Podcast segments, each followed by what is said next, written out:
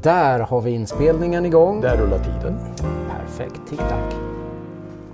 Välkommen till Nordens Trendspanarpodd.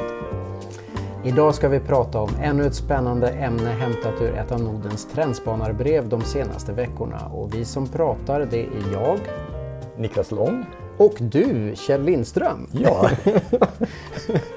Vi har en spännande spaning på gång här. Som... Ja, den är dramatisk tycker ja, jag. Den är det, det, jag instämmer. Jag hör också till kategorin som, som bör tycka att den här är ja, dramatisk. Ja, verkligen. Det är tidningen Kollega som har drämt till med den lite lätt dramatiska rubriken. Du är passé redan vid 43.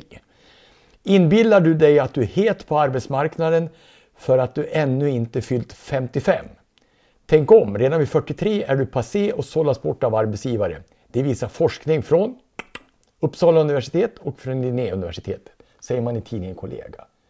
Vad tänker man om det, Niklas? Vid 43 du, du, du, Den man passerar.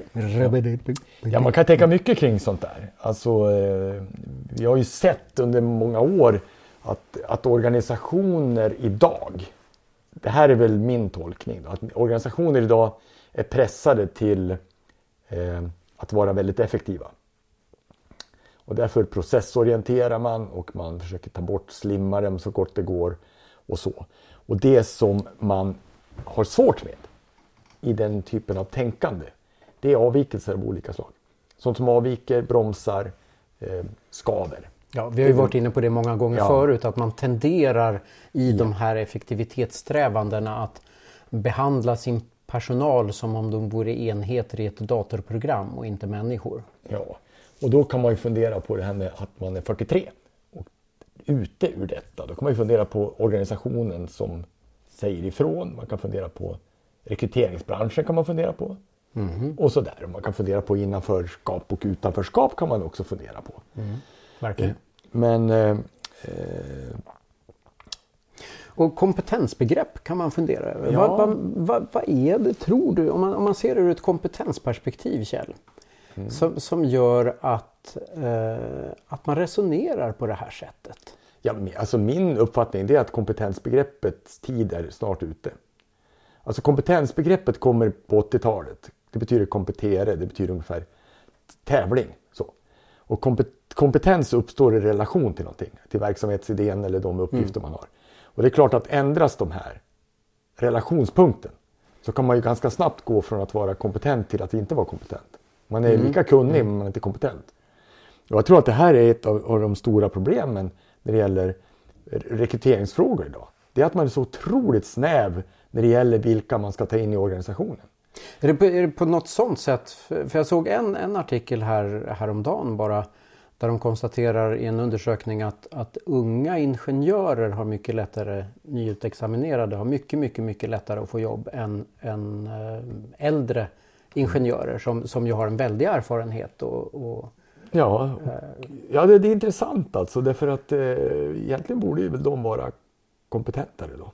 Ja, men, men, men, då skulle man ju kunna tänka sig att om, om kompetensbegreppet är i relation till nuets eh, krav då, det är där man är, i nuets krav, det är där man är kompetent.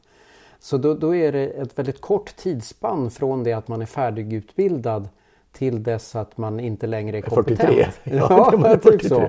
det är möjligt att det där, om man, om man inte frigör sig från kompetensbegreppet och, och hittar ett nytt sätt att se på kompetens så finns det ju en risk att den här åldern kommer att sjunka och det kommer att bli svårare och svårare för företagen att rekrytera. Ja men det är redan idag tycker jag det är så att man eftersom man ser ganska snävt på det här så hittar man ju inte folk heller. Och, och jag menar om man skulle vara lite, det står ju också i artikeln på något vis att det man har svårt att hantera det är ju sådana som är lite olydiga. ja men på något vis sådana som har egna uppfattningar passar inte riktigt in och, och det finns en forskare forskare som heter Ann-Sofie Begel, mm. Ann-Sofie mm. Bestelius heter hon, mm. mm. som diskuterar skillnaden mellan lojalitet och lydnad. Att man kan vara lojal eller icke lojal. Och man kan vara lydig eller olydig. Och vad gör man med personer som är lojala men olydiga? Och din, din hypotes här är att äldre är eh, olydiga men lojala? Kan, kan, vara så. Ja, kan vara så. Att, I högre utsträckning. Ja, därför att de kan ha erfarenheter som gör att man inte ställer upp på den senaste omorganisationen. Det där har vi gjort förut. ja, ja, lite så. Och, och, så, att, så att de blir lite mer svårhanterliga och det är man inte så intresserad av, tydligen. Ja. Nej, för det, det, här är ju väldigt spännande i relation till den här enkätundersökningen som de sen fick svara på efter den här undersökningen de gjorde. Där, där de skriver att det, det de um, tvivlar på det, det är som 40-åringarna börjat förlora förmågan att lära nytt, vara flexibel. Men sen tvivlar de också på de äldres förmåga att vara drivna och initiativrika. Jättekonstigt. För, för ska man vara driven och initiativrik, om, om det ska ha någon betydelse, så, så måste man ju våga vara det. Lojalt mm. mot organisationens mål. Men, men ändå så att det skaver mot det som, som eh, presenteras som en etablerad sanning. Om man faktiskt ser att det skulle vara bättre på något annat sätt så måste man ju våga stå för det. Vad, vad är initiativrikedomen värd annars? Ja, nej, men det väl, om, det är, om det är väldigt små rutor i processkartan då ska mm. väl initiativen hålla sig inom den. Och har man jobbat ett tag och ser andra möjligheter så hamnar man väl utanför det och då blir man väl lojal och olydig. Så. Ja. Och, och jag vet inte, jag tror ibland att det kan nog mycket väl vara så att organisationer har inte något större problem med det här, men det är just rekryteringen. Alltså det är ja. själva rekryteringsbranschen som, som kickar in, som är marknadsstyrd på olika sätt. Och jag vet inte riktigt om man, om man alltid utmanar den som beställer rekryteringen med lite andra tankar eller om man går bara på rak beställning och då blir de här väldigt snäva eh, begreppen att det ska inte sticka ut mot det vi redan har på något vis. Jag vet inte. Ja, det, det, är en tanke, rekryteringsbranschens där. Men, men en spännande bit också är med de här begreppen som jag nämnde som man då hänvisar till. Att man, man ska vara, de, de tvivlar på att de äldre då ska vara drivna, initiativrika, de kan inte lära sig nytt, de är inte så nyfikna och intresserade och flexibla och sådär.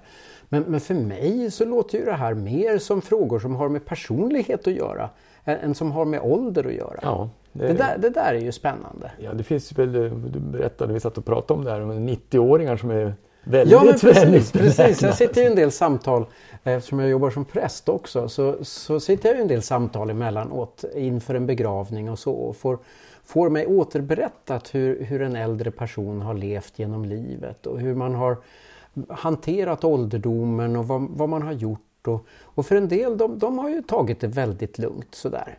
Mm. Eh, och, och, trappat av. Men, men andra är ju extremt nyfikna på livet, vad som finns bortom även över 90. Det, det är full fart. Det spelar ingen roll att de är sjuka och eh, att det är krångligt på olika sätt.